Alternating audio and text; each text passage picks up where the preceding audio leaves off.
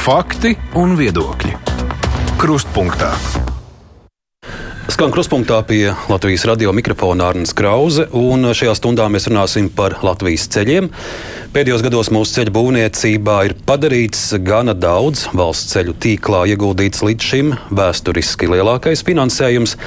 Tas bija iespējams arī pateicoties Covid laika finanšu injekcijām, lai sildītu tautsēmniecību, bet Covid cerams ir jau aiz muguras, un arī Eiropas fonda nauda drīz tikpat kā vairs nebūs pieejama. Ceļus mums būs jābūvē pašiem par saviem līdzekļiem.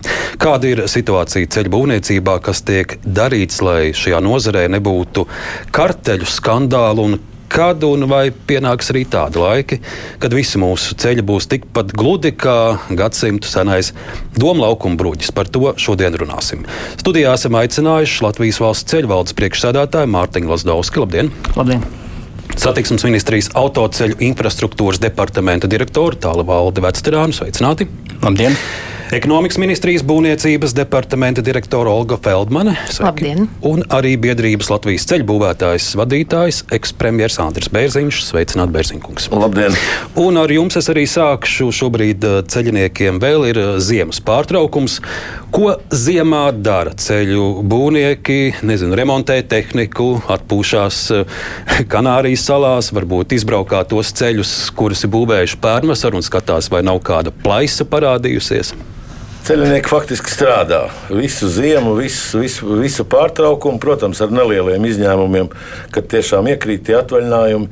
Bet tā faktiski apmāca cilvēkus, pērk jaunu tehniku, remontē esošo tehniku, gatavojas jaunajiem, jaunajiem izaicinājumiem, plus tie, kuri eh, teiksim, vēl ir, ir startējuši iespējams pašvaldībās un, un tikuši klāt pie, pie tādu pakalpojumu kā ceļu uzturēšana, tad tie uztur ceļu, skaisti sāli, vāc sniegu un tā tālāk. Tad mēģina kaut kādā veidā ar šo darbiņu dzēst to sezonalitāti, kas piemīt ceļniekiem. Un ko dara tie, ko dar tie vīri, kas tajā vasarā un karstumā ir uz tiem ceļiem ar tehniku un lāpstām rokās? Viņiem ir tāds garāks atvaļinājums? Viņiem, viņ, viņiem ir atvaļinājumi ļoti dažādi rīkojas. Daži ņem bezalgas atvaļinājumu, daži, daži iet projām un pēc tam atkal nāk atpakaļ.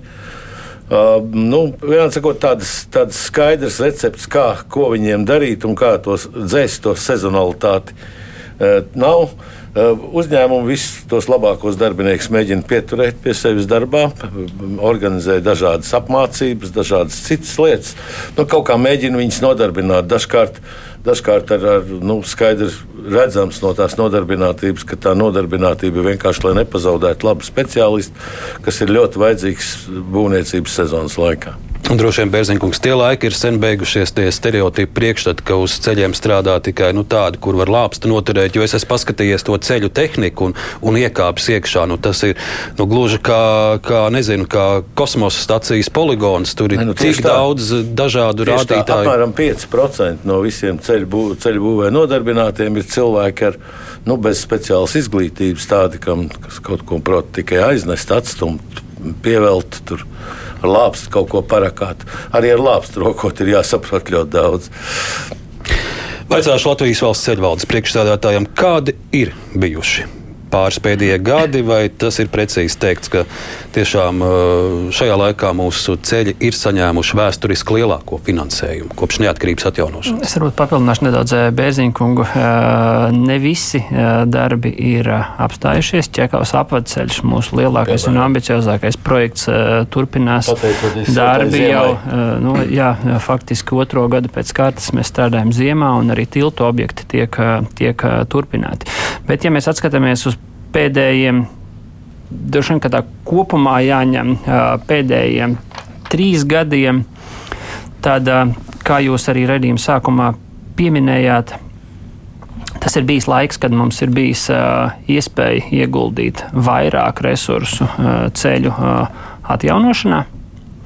Un tas ir devis būtiskus, būtiskus iegūmus un būtiskus uzlabojumus tajā valsts ceļu tīkla daļā, kas ir galvenie un reģionālie asfaltētie ceļi, kas savieno mūsu galvenos reģionālās attīstības centrus, mūsu novadu centrus, mūsu valsts pilsētas. Un kopumā, ja mēs skatāmies, tad pēdējo piecu gadu laikā jā, faktiski labā un ļoti labā stāvoklī esošo asfaltu ceļu jā, īpatsvars ir būtiski palielinājums. Ja mēs runājam par galvenajiem ceļiem, tie jau ir vairāk kā 80% no galvenajiem ceļiem ir labā un teicamā stāvoklī, un arī reģionālajos ceļos beidzot, man jāsaka, beidzot mēs esam panākuši būtisku izrāvienu, un tas ir aptuveni no 20 līdz 30 procentiem labā un ļoti labā stāvoklī līdz pat 57, tuvu jau 60% reģionālo asfalta autoceļu labā un ļoti labā stāvoklī. Tā kā tas, tas efekts ir redzams, un es ļoti ceru, ka arī tie autovadītāji, kas pārvietojas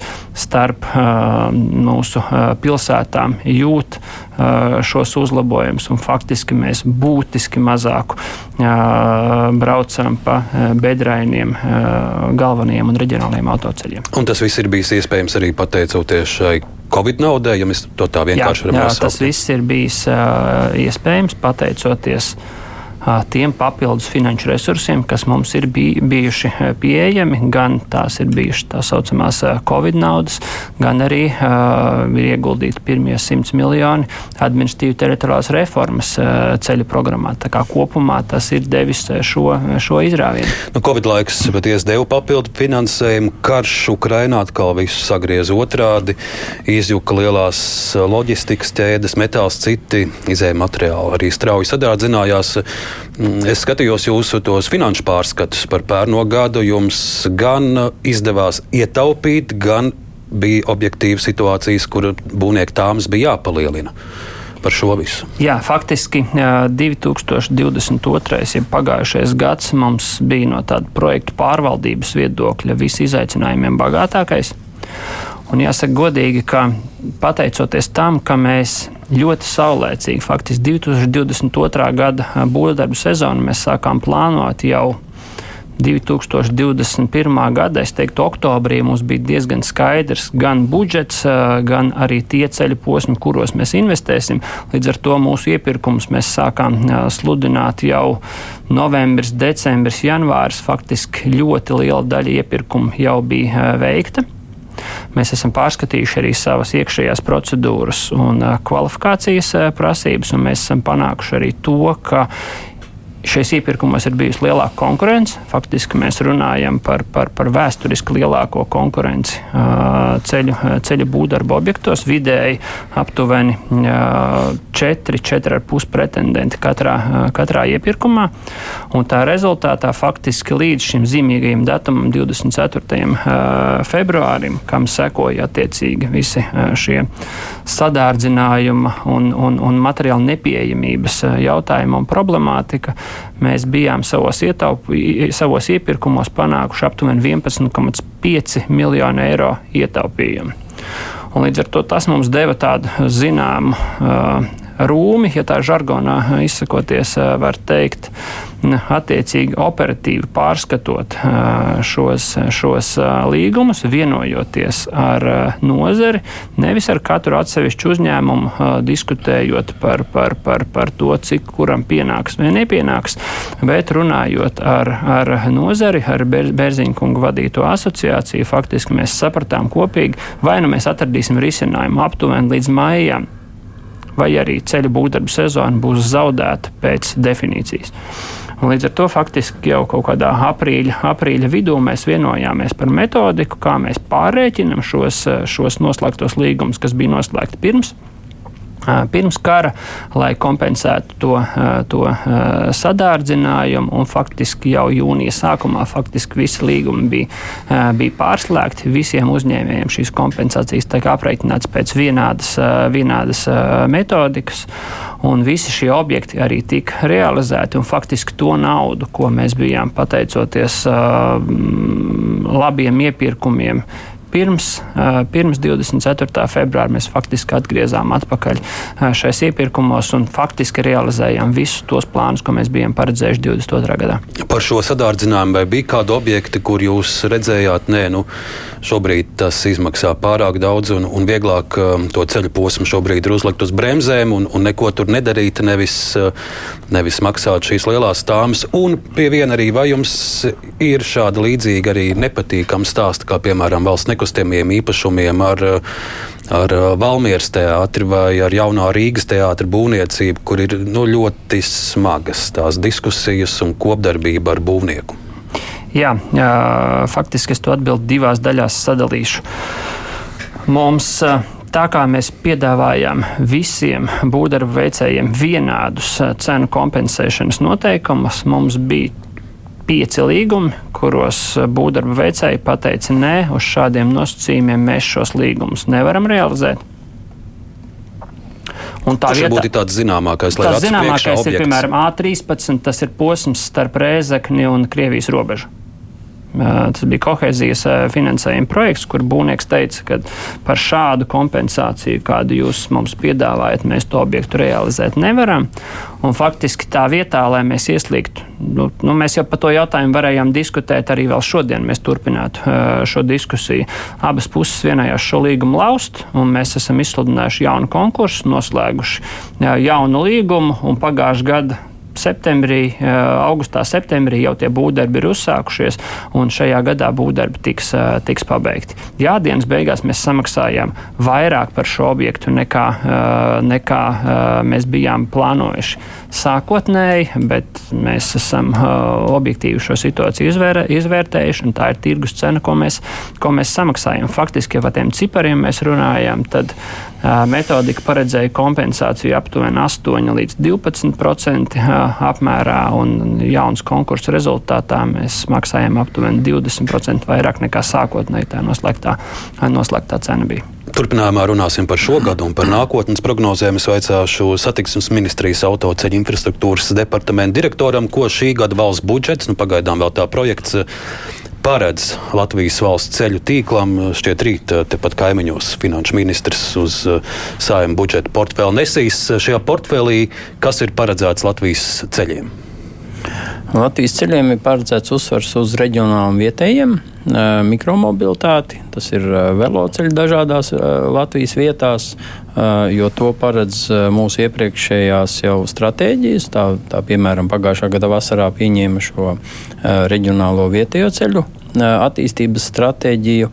Un, un tas ir tas dokuments, uz ko vienmēr arī ir gaidījis skatījies Bērziņkungs, lai būtu pārskatāmi šie objekti, ja, kuri tad tuvākā un tālākā nākotnē būs. Tad jau atkarīgi no šiem te, um, budžeta nolēmumiem, no ikgadējā budžeta, no vidēja termiņa budžeta, no, no dažādām Eiropas fondu naudām, tad arī šie te, uh, objekti tiks izsolīti un, un varēs piedalīties uh, darbā tādi lielākie projekti, par to droši vien runāt Latvijas valsts ceļi, bet, eh, eh, ja mēs runājam par, par, par naudu salīdzinājumā ar iepriekšējiem gadiem, kad mēs runājam, ka bija vēsturiski lielākais finansējums, kā būs šogad? Zinot, ka vairs nav eh, Covid naudas un arī tā Eiropas fonda nauda faktiski jau ļoti niecīgs procents tur ir palicis. Nu jā, tur, tur tās tie uzsvari mainās arī no Eiropas Savienības puses, iet uz to zaļināšanu, nevis uz tīru asfalta laukumu palielināšanu vai šo asfaltu laukumu atjaunošanu, bet uz, uz kādas funkcijas vai reformas nodrošināšanu. Ja šī reforma ir, ka mēs pārtaisam uh, pusceļu par velo, ja, tad viņi to attīsta, lai gan tur arī ir piemēram asfalta kaut kāda daļa iekšā, bet šī ir tā reforma, kad pārējām no, viena teiksim, transporta veidu uz vairāku veidu, ka vienā maršrutā var realizēties vairāk transporta, savstarpēji nekon, nekonkurējot un nekonfliktējot viens ar otru. Ja tā ļoti vienkārši ļaudīm paskaidrot, ko nozīmē šis Eiropas zaļais kurs un zaļināšana Latvijas ceļu būvniecībā, vai tas nozīmē, ka būs vairāk labu ceļu, bet ne ar ātrumu 120 km/h, vai, vai kas tas būs? Arī šī iniciatīva tiek skatīta, un Eiropas Savienība šobrīd ir tā saucamās TNT regulas pārskatīšanā. Tas ir šie tran, trans-Eiropas lielākie ceļi, kur ir arī Latvijas, tā piemēram, šis pats Vijā Baltika, viss ir šis pamatīkls. Un tad šīs pārskatīšanas rezultātā, ja parlaments un, un padomu par visu to attiecīgi vienosies un nobalsos, tad iespējams tur šie akcenti mainīsies, ka nebūs šis obligātais ātgaitas, bet būs obligāti satiksmes drošība, respektīvi neviens krustojums nav divos līmeņos un pretējās braukšanas plūsmas ir atdalītas. Nu, tas var būt pie, vai pie uh, 90 km vai pie 110. Tas jau ir atkal katras valsts rocība, kā valsts šo var izveidot. Un vēl īsti daudz šobrīd tiek runāts arī par klimata neutralitāti, kā tas atspoguļosies Latvijas ceļu būvniecībā. Eh, ceļu būvniecībā tad, um, šis atspoguļotos arī no šī principa nenodara būtisku kaitējumu, kas tad jau pilnīgi kardināli jāmaina. Ir tas, ko mēs darām ar, ar, ar šo būvniecības veco objektu, jeb lietu. Jā, šis vecais cements, vecais asfalts, vecie akmeņi, betons, ko mēs ar to darām, vai mēs to tīri aizvedam uz kaut kādu izgāstu un tur izgāžam, tur kāds šķiro, vai jau objektā sākam šķirot un izmantojam jau kaut kur citur eh, šos materiālus, eh, tādējādi neradot papildus eh, jaunu materiālu ražošanas izmešus. Nu, tas arī būvniecībā varētu, varētu nest, nest arī būvniekiem, kādas izmaiņas, kā, kādas tehnoloģijas ir jāpārstrādā. Bet šis process, šis principa izstrāde ir procesā, un pie tā mums tagad ir, ir, ir stipri jāpiedomā, kā to labāk realizēt. Vaicāšu ekonomikas ministrijas būvniecības departamenta direktorai Olgai Feldmanai. Jūsu vērtējums par ceļu būvs nozari kas tā ir kopējs un kas atšķirīgs ar citiem būvniekiem. Nu, droši vien tas pats pirmais ir, ka ceļu būvniecībā, atšķirībā no māju būvētājiem, ir ļoti maz privātu finansējumu vai, vai banku finansējumu. Tas ir vai nu valsts vai, vai Eiropas. Un, un, un jūsu tāds vērtējums, kā ceļu būvniekiem mūsu ekonomikā šobrīd klājas? Paldies! Viņš jau iezīmēja to, to pamatu atšķirību no tā ceļa būvniecībai, no civilās būvniecības, jo privāti investori mums ir absolūtā mazākumā. Protams, ir. Tas nenozīmē, ka nav, jo joprojām paliek gan privātie ceļi, māju ceļi, rūpnīcās ir liels teritorijas laukumi arī, kas tiek asfaltēti. Bet, protams, tā, tādā skaitliskā ziņā tas ir absolūtais mazākums un, un, un absolūtais vairākums. Mums ir valsts un pašvaldību pasūtījumi, kas no vienas puses ļauj ceļu nozarei justies daudz drošākai, jo patiesībā visa plānošana un, un, un tās investīcijas infrastruktūra infrastruktūrā, kas tiek plānotas, viņas ir atkarīgas faktiski no valsts un no pašvaldībām, un, un, un varbūt mazāk ir tās svārstības vai fluktuācijas dēļ ārējiem tirgiem vai ārējā spiediena.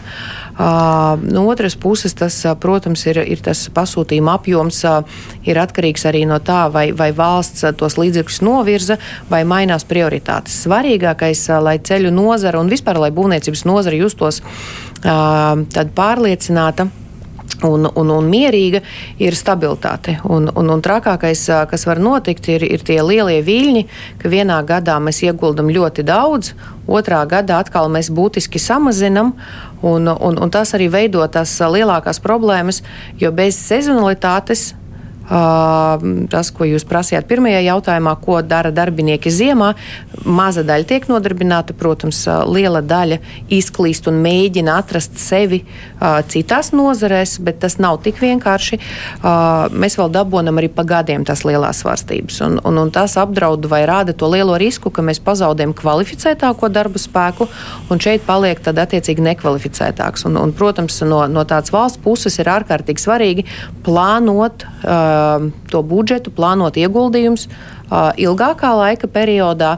Un, un, un tas, ko mēs esam uzsvēruši, nav nepieciešams varbūt norādīt par konkrētiem projektiem, kas tiks izsludināti, bet, bet kopējam apjomam ir jābūt zināmam un jābūt arī skaidrībai par, par to kursu, uz kurien mēs ejam. Jo arī atšķirībā no civilās būvniecības, otrā liela atšķirība ir, ir, ir, ir tā tehnoloģija, kā mēs būvējam ceļus, kur ārkārtīgi liela nozīme ir dārgai tehnikai. Un, un skaidrs, ka būvniekam ir jāspēj uh, plānot šīs tehnikas iegādes, jo ir milzīga atšķirība, vai tā tehnika tiek nomāta, vai tā tehnika tiek pirkta.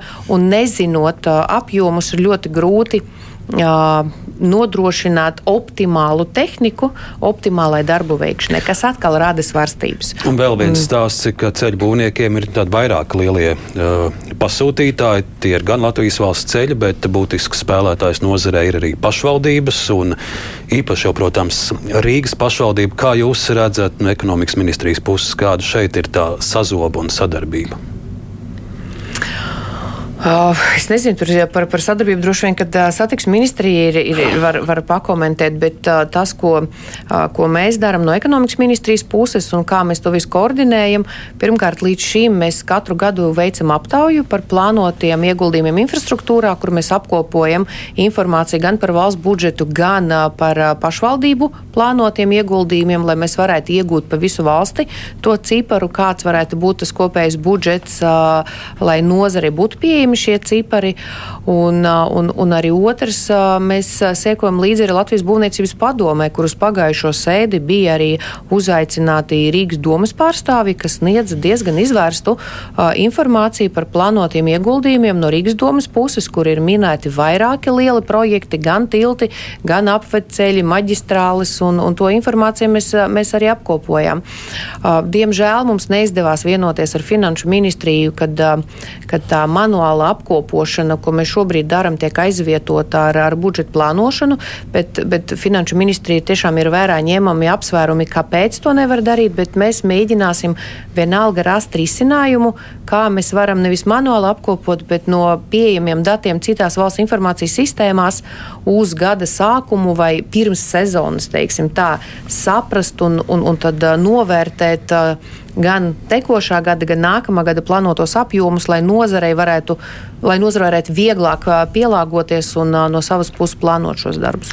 Es skatos paralēli arī ļaudis ļoti aktīvi raksta un interesējas arī par konkrētiem ceļu posmiem. Es mēģināšu atvēlēt kāds 5 minūtes mūsu sarunas beigās un Latvijas valsts ceļu vadītājiem. Liela daļa šo jautājumu paspēt uzdot, bet Bērziņkungs, jūs arī vēl neesat ticis pie vārda, raugoties uz šī gada budžetu. Nu, jūs esat nozares tā publiskā balss un daudzu gadu garumā esat cēlis trauksmi un zvanījis trauksmes zvanus par to, ka Latvijas ceļiem finansējums ir nepietiekams. Kāds ir jūsu skats uz uh, šī gada budžetu? Jā, paldies par, paldies par jautājumu. Um, nesen pirms nedēļas konferencē Mārtiņš Lasdovskis jau teica, ka pēc viņa aprēķiniem kopējais deficīts, kāds ir, kāds ir uz ceļiem, faktiski šobrīd tas ir apmēram 3 miljardi eiro. Tas ir tas ne, tie, ne, tie, tie neizdarītie darbi, kāpēc mēs rezultātā redzam tur, teiksim, tos defektus uz ceļiem, kādi viņi ir. Bet eh, jāsaka godīgi, ka pēdējos trīs gadus eh, ir tiešām budžets, ir, budžets ir, ir kļūst labāks, darba kļūst mums vairāk. Mēs esam gatavi šo darbu izdarīt, un mēs mēģinām to darīt.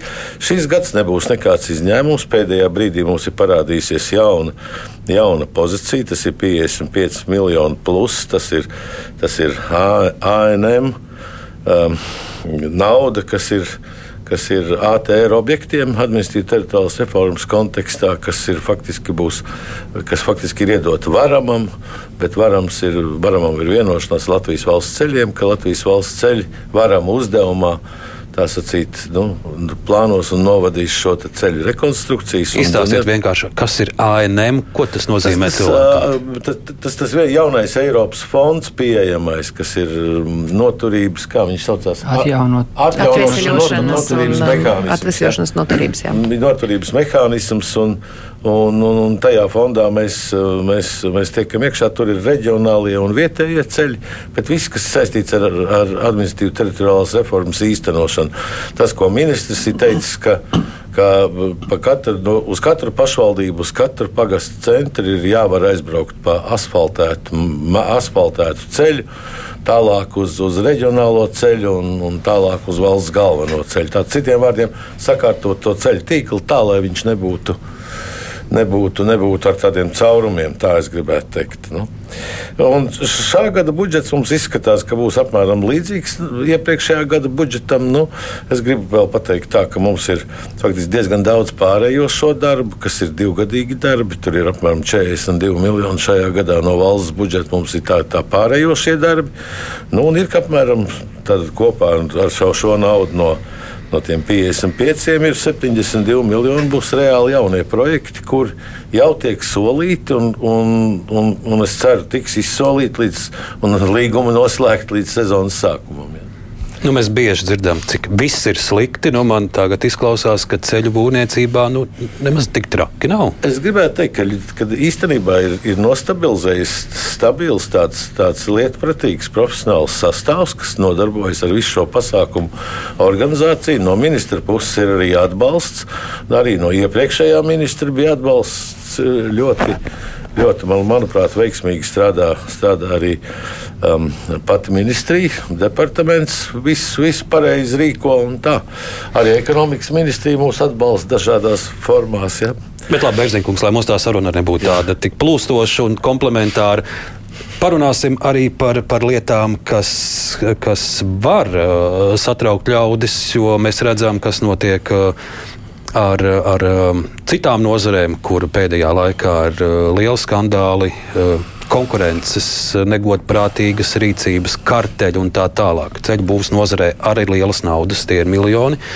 Um, nu, tas būtu traki, ja jūsu nozarē un jūs tomēr bijušais premjerministrs uh, kaut kas nu, šādi nesmukumi parādītos. Ko jūs biedrība, ko jūs darat, lai, lai patiesi mums visiem ceļu lietotājiem ir pārliecība, ka katrs cents, kas tiek ieguldīts no mūsu nodokļu naudas. Latvijas ceļos tiešām ir gan godīgi tā mēs iekļauts, gan tur nav kādas sarunāšanas un, un visas šīs lietas, ko mēs tagad redzam saistībā, piemēram, ar pasažieru pārvadājumiem.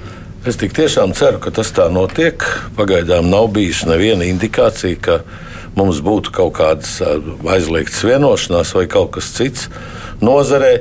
Jāsaka, ka mēs kā biedrība nepiedalāmies saimnieciskā darbībā, un mēs faktiski nepiedalāmies tajās sadaļās, kur ir konkursi un līgumi. Es tikai, tāpat laikā mēs, protams, skatāmies, un mēs redzam to, ka nu, jau kāds divus, trīs gadus faktiski katrā konkursā ir vismaz trīs, četri pretendenti uz katru vietu. Ja? Un, un man liekas, ka pēdējā konkursā bija pat seši vai septiņi seši vai septiņi pretendenti uz katru lietu. Un, un arī tas, ko teica Lasdovska kungs, ka, ka pagājušā gada 21. gada konkursos ietaupījums vien bija 11 miljoni. Nu, bez konkurences tādu ietaupījumu neviens nekur nedabūs pret, tām, pret tiem tāmits skaitļiem, kontrols skaitļiem, kurus aprēķina Latvijas valsts ceļu cilvēki, kur izrēķina skatās, cik tirgu kas maksā un cik kas tur ir jāiegulda. Tā kā es ceru, ka, es ceru, ka viss būs kārtībā. Bet jūs nu, tā vienkārši jūs naktīs varat gulēt droši. Jums ir pārliecība, ka, ka jūsu kolēģi nu, tas man tieši, būvnieki... mani personīgi tas tieši neskar. Protams, protams man būtu ļoti skumji, ja tas tā būtu bijis. Ja. Kungs, ja mēs runājam par konkurenci ceļu būvniecībā, kā jūs to vērtētu, ir patiesi gadījumi, kur viņi ir ļoti maza, bet tad ir atkal objekti, kur piesakās pat desmit un vairāk. Un arī, arī tas nav labi, jo, jo uzvar šis uh, lētākais piedāvājums, un nevienmēr lētākais ir labākais. To dažkārt arī redzam pēc uh, plaisām un bedrēm jau drīzumā. Tad ir objektīvi, kā jūs vērtētu, cik veselīgi ir konkurence starp ceļiniekiem. Faktiski kopš 2019. un 2020. gada mūsu kā organizācijas, ja mūsu kā pasūtītāji, viens no galvenajiem mērķiem ir bijis darīt visu, lai nodrošinātu pēc iespējas lielāku konkurenci mūsu iepirkumos. Un man ir milzīgs gandarījums par to pretendentu skaita pieaugumu vidēji katrā iepirkumā, attiecīgi, kas ir devis mūsuprāt zināmus, zināmus rezultātus. Nu, mēs kā organizācija strādājam vairākos virzienos. Viens ir jā, šie konkurences noteikumi, prasības pretendentiem. Otrs ir, protams, arī mūsu kā organizācijas iekšējā vide, mūsu iekšējās vides pilnveidošana, mūsu procedūras, mūsu uh, interešu konflikta uh, novēršanas reglamenti, korupcijas novēršanas uh, reglamenti un šāda veida, šāda veida aspekti. Es esmu pietiekami pārliecināts, un mēs esam arī ārēji, ārēji vērtēti, ka mēs esam spēruši pēdējo 3-4 gadu laikā nu, būtiskus uh, soļus, lai sasniegtu tādu, tādu organizācijas briedumu uh, šai jomā, uh, tā skaitā. Bet, jā, kā jau Bērziņkungs uh, minēja, tā, tā, tā konkurence un, un, un cīņa par katru to objektu ir pietiekami pietiekami asa un uh, sīva. Mēs arī kā organizācija vērtējam. Tātad mums ir pietiekami, un varbūt tā ir tā ceļa būves salīdzinošā priekšrocība, varbūt salīdzinot ar, ar, ar ēku būvniecību vai dažādu industriālo objektu būvniecību, kur tās ceļš kā būve jau ir diezgan tipveida, uh, tipveida būve. Līdz to mēs arī uh, iegūstam pietiekami plašu informāciju par dažādām pozīcijām, cenu izmaksām. Mēs veidojam cenu katalogus. Arī mēs savas plānotās izmaksas plānojam pēc attiecīgu cenu katalogiem un sekojam, kādas ir tās novirzes. Un tās novirzes ir lielākas par 5 līdz 10%. Tad faktiski nu, mēs jau vērtējam šos jautājumus daudz, daudz, daudz dziļāk. Bet, Bet nu, faktiski ja tā... līdz, līdz 2022. gadam, es teiktu, nu, kaut kāda 2020. līdz 2022. gadam, es neatceros nevienu objektu projektu, kuru mēs būtu notenderējuši un noslēguši līgumu par summu, kas ir bijis lielāka par mūsu plānoto. Tas būtu jā, 22. gada uzpūsta tāme. Jā. Jā, tā. Bet es skatos, ko ļaudis raksta arī, un es neminēšu te konkrēti ceļu būvētāju firmu nosaukums, jo, jo šāda informācija ir jāpārbauda pirms to saka publiski, bet tā doma, ko šeit vairāk jau klausītāji raksta, ka ja ir liepāja, tad tur zināms, ka visticamāk uzvarēs tā firma, ja ir alūksne vai smiltene, tur tā, ja tas būs reizekne Daugavpils, tad tā, ka nu, ir ko ļaudis ar to kādu mājienu dot, ka, ka ir jau faktiski katram tās savas teritorijas iezīmētas. Tas būtu tāds ļoti vienkāršota, vienkāršota pieeja, pieeja jautājumiem. Es zinu, ka saldus kompānijas vai saldu bāzētas kompānijas strādā Talsos un, un Latgales pusē. Un, un, un otrādi, tāpat laikā tas, kas ir jāapzinās, ka, protams, ja kompānija ir liepājā, tad kompānijai arī nokļūšana uz objektu ir attiecīgi tuvāk, mobilizācijas izmaksas objektīvi mazākas, jo objektīvi tas, tas, tas darbs atrodas tuvāk viņu bāzei, viņu asfalta rūpnīcei un tam līdzīgi. Tā tās ir, tās ir tādas objektīvas lietas, un pats par sevi tajā nu, galīgi nebūtu nekas, nekas nosodāms. Bet, kā jau minēju, nu, tās pašas liepājas kompānijas strādā, strādā arī, arī, arī zemgalē un kurzemes tālākos reģionos. Mums ir kompānijas, kas ir pilnīgi visā Latvijā. Es veicāšu ekonomikas un satiksmes ministriju pārstāvjiem jūsu vērtējums par konkurences nozarē. Mēs dzirdējām, ka tieši ceļu būvētāju vidū tā, tā ir pietiekoša, bet, piemēram, ja mēs paraugamies uz projektēšanu, īpaši uz tiltu projektēšanu, tur statistika rāda, ka ar katru gadu šīs sāncensības samazinās. Vai jūs šīs tendences esat pamanījuši un, un kā jūs to skaidrojat un, un ko tas varētu nozīmēt? Droši vien, jā, ekonomikas ministrija pamatā šis būtu jautājums, ņemot vērā, ka tas ir reglamentētās profesijas būvniecības jomā. Un, un, un tas ir certificēšanas process, kas piešķir tiesības veikt projektēšanu, projektēt gan konstrukcijas gan citas ne, nepieciešamās inženieru sistēmas un inženieru būves. Un, Jā, mēs esam pamanījuši to tendenci, ka certificēto personu skaits samazinās. Šobrīd nu, tas, tas droši vien tas pamatskaidrojums ir, ir, ir ar to, ka mēs šeit izaudzinām ļoti labus kadrus, ļoti profesionālus darbiniekus, profesionālus speciālistus, kas tālāk jau uh, meklē iespēju nopelnīt citās valstīs, kur uh, skaidrs, ka vēl joprojām mūsu cenas, lai gan kāp strauji, bet atpaliek no, no tuvāko kaimiņu cenām, kas ir Skandināvija un, un kur, kur, kur varbūt tas ir lielāks iespējas. Bet tas, ko mēs darām, mēs, mēs atvieglojam certificēšanas procesu. Uh, lai mēs varētu piesaistīt ar vien vairāku uh, skaitu ar uh, studiju pabeigušiem cilvēkiem, profesionāļiem, lai viņi varētu iegūt patstāvīgās prakses tiesības projektēšanā. Un, un, un skaidrs, jā, kad, kad, kad jo mazāks ir tas projektētāju skaits, jo lielāku risku tas var radīt nozarē, arī buksējot projektēšanas procesu. Jo būvniecības darbi, kurus mēs redzam, tas jau ir noslēdzošais posms. Milzīgs darbs tiek veikts pirms tam, gan izpētes darbs, gan arī projektēšanas darbs, un tikai tad nāk būvnieks. Un skaidrs, ka būvdarbu cenas ir eh, tiešā veidā atkarīgas no projekta kvalitātes un no tā, cik profesionāli ir uzprojektēts. Var uzprojektēt vienu un to pašu ceļu tā, ka, eh, ka tas būvdarbu cenas var variēt par 30%. Bet tas, ko mēs darām, mēs eh, runājam gan par, proce, par procesu vienkāršošanu, lai piesaistītu vairāk cilvēkus, lai veicinātu šos cilvēkus, bet otrs ir pašu tirgu stabilitāti. Iespējams, ka es atkārtošos, bet tajā brīdī, kad mums ir stabils pieprasījums, mums būs vietā arī stabils piedāvājums. Tajā brīdī, kad projektētājiem vienu gadu ir ko darīt, un pēc tam divus gadus nav ko darīt, skaidrs, ka viņš vai nu pārkvalificējās, vai nu, vai nu mēģina arī uh, strādāt uh, citur. Laba lieta, kad atšķirībā no būvdarbu veikšanas, projektēšanu var veikt arī attālināti. Un, un, un, un, un tāpat laba lieta ir tāda, ka ceļa standarti principā visā Eiropā ir daudz maz līdzīgi vai vienādi. Un šeit mēs nerunājam par tādu ārkārtīgu atšķirību starp, starp Francijas speciālistiem un Latvijas speciālistiem. Un ārvalstu speciālistu ienākšana arī ir variants. Ja mēs runājam par projektēšanu, ir viens papildus, vēl būtisks aspekts, kas mums jāņem vērā. Proti, šobrīd Baltijā tiek projektēta lielākā būve, kāda jebkad Baltijā ir uzbūvēta. Tas ir Real Baltica, un šobrīd tieši tur ir projektēšanas sadaļa un mākslīgās būves, kas ir arī uh, tilti. Attiecīgi ir tās, kas, kas, kas šobrīd paņem būtisku slodzi tiem projektētājiem.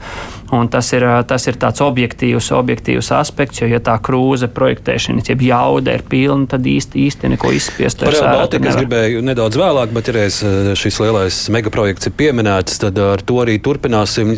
Bērziņkungs pirms nedēļas bija konference par Latvijas ceļu nākotni, un tur es no jums sadzirdēju, ka Real Baltica projekta dēļ, kurš neapšaubām ir nepieciešams, viņš var atstāt savu ietekmi arī uz ceļu būvniecību Latvijā. Tādā ziņā, ka var nepietikt resursi, gan cilvēku resursi, bet arī dabas resursi, minerālu resursi. Nu, es nezinu, cik jūs uz kādiem datiem to pamatojāt, bet no jums es sadzirdēju, ka tie bija jūsu vārdi, var beigties grants. Tā jūs teicāt. nu, jā, tas bija Tas bija man, šis mans izteiciens, droši vien bija, eh, nebija burtiski jāuztver.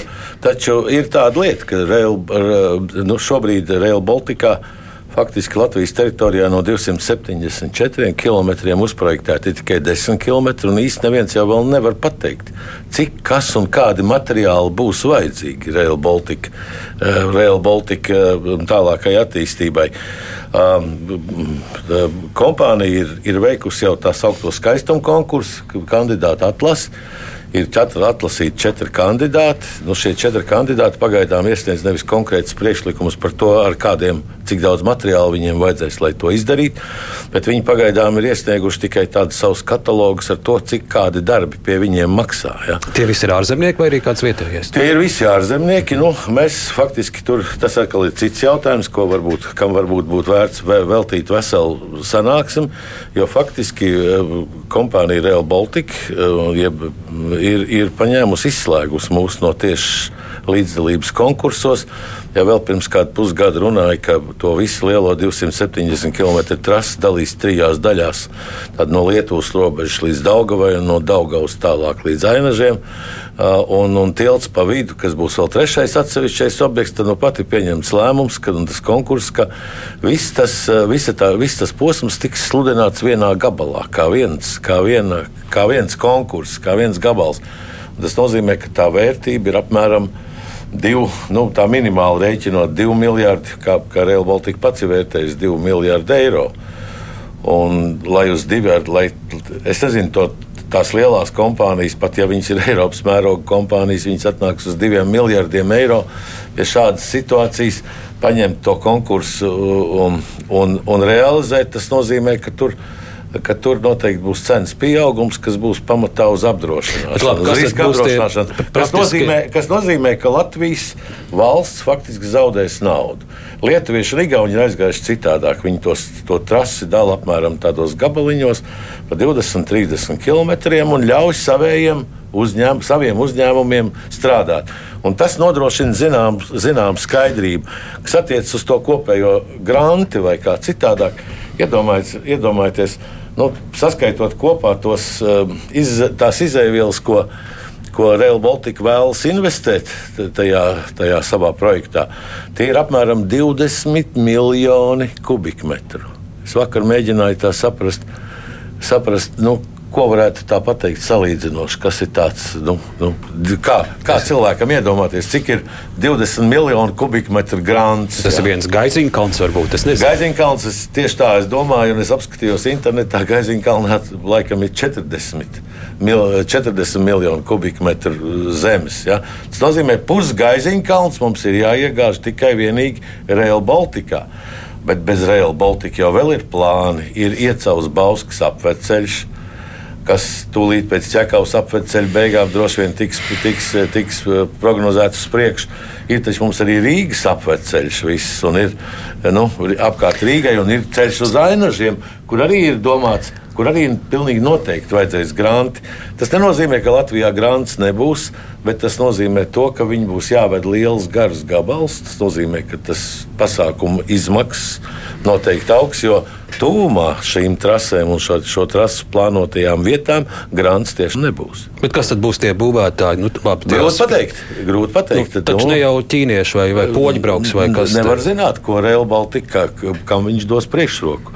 Es domāju, ka praksē jau droši vien būs tā, ka tikko kāds tur vinnēs, tad viņi nāks pie mums un teiks, nu, mīļie ceļinieki, nāciet, jums tagad ir liela darbi, būs N tūkstoši vai miljoni kubikmetru grāns vai kaut kāda cita materiāla jāpārvadā.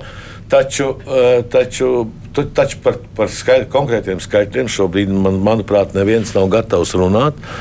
Un tā, un tā loģika, ka mēs esam izspiesti ārā no visiem konkursiem, tīri ar, ar kvalifikācijas prasībām, manuprāt, īsti pareizi nav. Kāpēc lietuvieši un, un igauni var citādāk, un kāpēc viņi var atstāt, atstāt naudu un nodokļus savā valstī?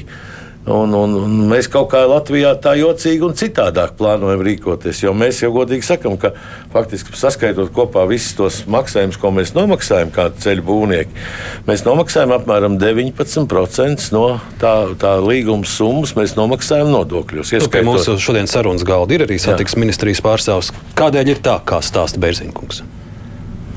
Um, nu, man grūti spriest, kāpēc ir tieši šis privātais, uh, kas ir izdalīts no atsevišķa no valsts, ar kuru ir tas uh, līgums valstī. Jā, kāpēc ir tieši tā rīkojies? Es uh, tajā, tajā biznesā neesmu iekšā, bet mm, nu, mm, šī te resursu skatīšana, protams, ir jāpēta. Ja? Jo nu, valsts sektorā kā Bērzņikungs minēja, A4, A5, kas ir Rīgas apceļš, papildus arī mūsu ļoti interesējošais apvienotais tilts, kas būs kopā autots tilts ar dzelzceļa tiltu. Mums ir ārkārtīgi svarīgi, lai varētu šo nodrošināt normālu apceļu, nevis pār Hesu. Ja? Un tāpat tās arī. Um, Vijā Baltikas eh, jaunie apvedi gan Iecavai, gan Bauskai. Bauskai visvairāk, jo Bauska šis centrālā iela ir, ir jau kritiskā diezgan stāvoklī ar, ar šīm komunikāciju akām pāri, un tur ir nepieciešama šī uh, viens vai otrs risinājums, bet lai neietu viss tranzīta plūsma caur, uh, caur Bausku. Bet par to, ka šie lielie projekti, īpaši jau Baltika un arī citi, apēdīs lielus eh, resursus, dabas resursus, par to ir norādījusi arī ekonomikas ministrija, ka mums ir jādomā uh, smilts grants un tā tālāk. Cik tas viss ir? Nu, Bērziņkungs vakar savā galvā prātoja, cik izskatās tie 20 tūkstoši, bet, bet 20 miljoni. 20 miljoni, bet jums noteikti kaut kas uz papīra arī ir uzlikts prognozes? Uh, tur, kur uh, es, es, es, es nevaru apgalvot, kā Beržīna kungs, ka ir uzprojektēta tikai 11 vai cik kilometri no tās trases, es saprotu, ka projektētāji diezgan citīgi strādā. Un ir, ir, ir, ir tie posmi, ir, protams, projektēšana arī ir sadalīta pa, pa posmiem, un, un, un katrs varbūt ir viens detalizētāks, otrs mazāk detalizēts. Nu, es nevaru apgalvot, vai tie ir 20 miljoni vai, vai vairāk vai mazāk, kas būs nepieciešami. Tas viss būs ļoti atkarīgs no tās pašas, no tām konstrukcijām, ko projektētāji izvēlēsies uh, un piedāvās.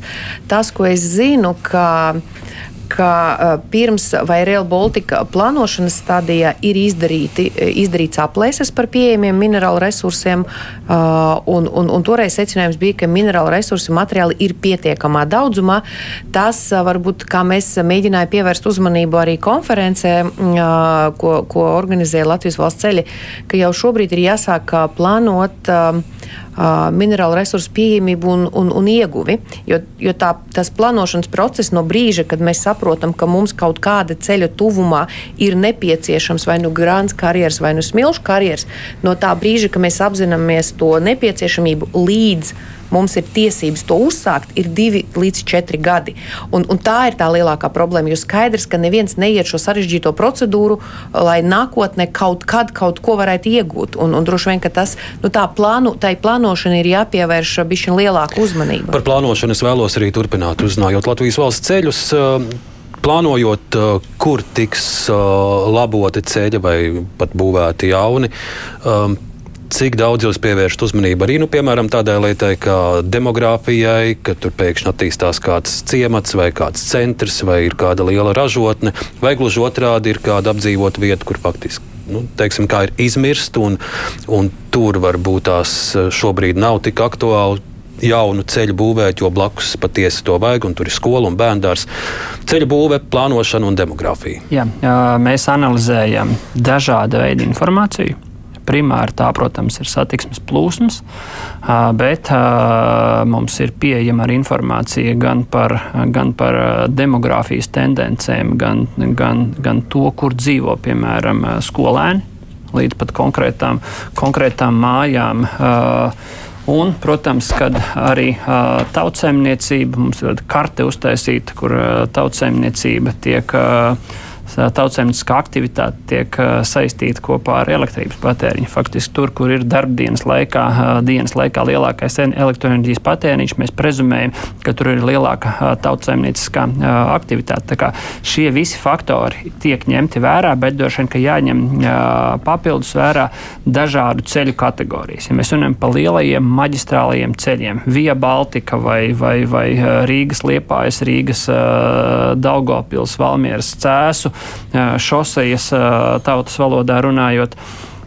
Tad šeit, protams, primāri mums ir jāskatās satiksmes intensitāte un tās starptautiskās saistības, tā skaitā, ko minēja satiksmes ministrijas kolēģis. Savukārt, ja mēs runājam par vietējiem ceļiem, mazākām artērijām, reģionālajiem ceļiem, tad šeit ir jāņem vērā tie faktori, ko es teicu, plus mēs aizvien vairāk cenšamies sadarboties ar vietējām pašvaldībām un plānošanas reģioniem, lai saprastu, kas ir tās attīstības perspektīvas, ko arī vietējās varas redz. Jo bieži vien nu, tās ir objektīvi ir bijusi kritika mums, ka nu, mēs šeit varbūt plānotāji Rīgā sēžot, mēs, mēs, mēs nezinām katru lokālu, lokālu vajadzību. Tāpēc tā savstarpējā sadarbība ir vitāli svarīga, to mēs iedzīvinām, un katram no šīm ceļu kategorijām ir savādāk pieeja attiecībā uz plānošanu. Un redzot, ko ļaudis raksta, vēl viens svarīgs stāsts ir eh, ceļbūves kvalitāte. Ja reiz mēs ieguldām mūsu nodokļu naudu, mēs eh, vēlamies arī, lai šie ceļi kalpotu ilgi un būtu kvalitatīvi. Man viens acu priekšā ir piemērs no ceļa posma vecpiebalga ērgļī, kur ļaudis bija priecīgi, ka beidzot tur nu, gluži tas asfalts laikam nav, bet kaut kas asfalta veidīgs tur tika uzklāts un, un, un, un, un ceļš remontēts. Un, un burtiski pagājuši pavasar, kā sniegs nokusa, es tur braucu. Ziniet, tās bedres tur bija vairāk nekā Ukrainā uz tiem kara ceļiem. Es redzu, nu, šausmas, kas tur bija. Un tikko, tikko tur vēl bija būvtehnika un, un tikko tikai darbs pabeigts. Tas ir viens posms, man te ir virkne um, ļaudis, ko raksta dažādi citi piemēri. Te raksta, piemēram, Andris, ka viņš bija ļoti priecīgs par pārbūvēto posmu Ikšķila Tīnūži. Visi ceļu lietotāji bijām patiesi priecīgi, bet neilgu laiku, divu gadu laikā asfalts ir gan saplaisājis, gan izveidojušās pamatīgas bedres pat nevar tās nosaukt par plaisām, drausmas. Un vēl, vēl daži citi piemēri. Jā, Jā paldies. Un, jāsaka tā, ka kopumā šī ceļu kvalitāte būtiski uzlabojas, bet Protams, tas ir jāatzīst, un mēs arī kā organizācija nekad to neesam, neesam slēpuši. Mēs esam bijuši ļoti atklāti attiecībā uz, uz problēmām, jo šīs problēmas jau nav arī, nav arī nekādā veidā noslēpjamas. Nu, tā nav kāda atsevišķa, atsevišķa ēka, kur kāds eh, redz vai neredz kādu plaisu. Pa ceļu visi mēs pārvietojamies un visi mēs to redzam. Līdz ar to mēs šīs problēmas esam, esam apzinājuši un, protams, ka tajā milzīgajā apjomā, ko mēs esam uh, paveikuši, ir bijuši atsevišķi uh, posmi, kas ir problemātiski un izmantojot izdevību, es gribētu atvainoties visiem, visiem autovadītājiem par tiem brīžiem, kad, kad autovadītāji ir bijuši spiesti lietot ceļus, kas nav bijuši varbūt tādā standartā, kādā tiem ir, ir bijis jābūt. Nu, kāds pamatā ir tas iemesls, vai tur ir kādi jauni, inovatīvi materiāli, vai varbūt ir ietaupīts uz kaut ko, vai Kas ir tas, kāpēc ietaupīts, ietaupīts tur uz, uz, uz neko nav, jo mūsu kompetences centrs, mūsu laboratorija, eksperti brauc un, un, un, un mēra šos patērētos apjomus, un tur ir ļoti komplicēta uh, procedūra, bet, protams, ka tas, mēs runājam faktiski lielākā daļā šeit par 2020. gadā uh, veiktajiem, veiktajiem darbiem, kur ir bijusi virkne no virkni no iemesliem. Mēs esam šos iemeslus analizējuši, un te ir jārunā gan par uh, materiāliem, uh, pieejamo materiālu kvalitāti. Tur bija specifisks uh, periods, kad bitumens vairs nenāca no Venecuēlas naftas, bet tas tika taisīts no citiem materiāliem. Attiecīgi tās ķīmiskās īpašības uh, bija, bija citas. Jā, arī laikapstākļi, objektīvi tajā gadā arī laikapstākļi ietekmēja, uh, ietekmēja šos, uh, šos darbus. Protams, arī būvnieku gan kompetence, gan kvalitāte, un arī jāatzīst, ka mūsu prasības pret šāda veida darbiem, kurus mēs tā masveidā uzsākām, uzsākām 2020. gadā. Šis ir šīs grāns ceļu apstrādes ar dubultās virsmas tehnoloģiju. Šīs specifikācijas ir precizētas. Mēs aizvien detalizētāk sekojam, sekojam tam līdzi. Attiecīgi būvnieki veic šo, šo darbu garantijas remontu. Skaidrs, mums vēl pāris minūtes. Bērziņkungs, es arī dažreiz esmu pat mēģinājis aizstāvēt būvniekus, sakot, ka nu, jāņem tomēr vērā, kādā klimatā mēs dzīvojam. Te ir atkusnes, te atkal sasals, tad tur izspiež. Un tad tās man ļaudis saka, tas ir objektīvs. Bet Igaunijā un Lietuvā arī ir atkusnes jā, jā, jā. un pavasars. Kāpēc viņiem nav tās plaisas? Tas ir daudz? objektīvs lietas. Nu, tā, tā ir faktiski naudas apjoms, kas katru gadu tika dots, un tas ir ilgtermiņā jāskatās jau nu, faktiski no kāda 2000. gada kopumā. Un tas jautājums jau ir, pas, ko pasūtītājs pasūta mums. Mēs jau izdarām visu to, ko pasūtītājs pasūta mums, bet, bet mu, vainot, vaino mūsu sakts, būvnieks slikti ir izdarījis. Īstenībā ir tā, kā ja, ja pasūtītājs mēģina taupīt naudu, un to naudu, to mazo naudu izstiep pa lielāku ceļu gabalu, un nesakārtot tur, tur ūdens novadīšanu, tur, tur ceļa pamatkārtu, un, un tikai uzliek virsū to glances kārtiņu. Tas skaidrs, un tāda glances kārtiņa šad un tad nojūg, tad ir skaidrs, ka, ka vainīgi tur nav ceļu būvnieki. Tas bet... ir atsevišķi tās, bet Latvijas valsts ceļiem es redzēju, ka biezas mapes ar tām kvalitātes prasībām. Jā, jā, jā, uz divām jā, lapām atrakstīts. Nu, jā, bet, bet vienmēr jau to, to, to esamību pielāgot tiem, to, to, tās prasības pielāgot tai, tai faktiskai esamībai, ja tās naudiņas ir mazas. Bērziņkungs, ir bijis tāds, ka jūs pats braucat pa jaunu ceļu, pēc brīža redzat, nu, nu īsti lepoties ar to darbiņu. Īstenībā es jūs esat zvanījis kādam savam Nē. biedram un teicis, ka, kāpēc tur tāds bedres? Es īstenībā neesmu dubultu virsmu apoloģēts. Jā, es, viņas, es neesmu tas galvenais atbalstītājs. Ja, ja valsts ceļi tā ir izlēmuši, mēs aktīvi piedalāmies tiešām ceļu specifikāciju precizēšanā, lai panāktu to augstāku kvalitāti. Bet es domāju, ka, es domāju, ka Latvijas apstākļos mēs esam skaitījuši, ka Latvijas apstākļos vien 12 gadu garumā uzlika, nu, faktiski normāls asfalts ir lētāks nekā tā dubultā virsma un viņas uzturēšana to 12 gadu garumā. Mums ir 10 sekundes. Viena lieta gan es gribētu pieteikt, ka tā teikšana, ka Lietuvā un Igaunijā nav problēma un problēmas ir tikai mums, ir absolūti nepamatot. Lietuvas kolēģi šajā vasarā bija tieši pie mums, lai skatītos to progresu, ko mēs esam panākuši attiecībā uz reģionāliem ceļiem. Pabrauksim arī kaimiņu valstīs pa mazākiem ceļiem un paskatīsimies, kāda tur ir situācija. Paldies par sarunu, un lai glūda Latvijas ceļu, un lai ceļu remontētājiem veiksmīga šī sezona. Šodien kruspunktā studijā bija Mārtiņš Lasdovskis no Latvijas valsts ceļiem, Tālvaldis Vecstrāns satiksmes ministrija, Olga Feldmane, ekonomikas ministrija, Andris Bērziņš, biedrība Latvijas ceļu būvētājs, producente Evija Unāma studijā bija Arnes Krausem.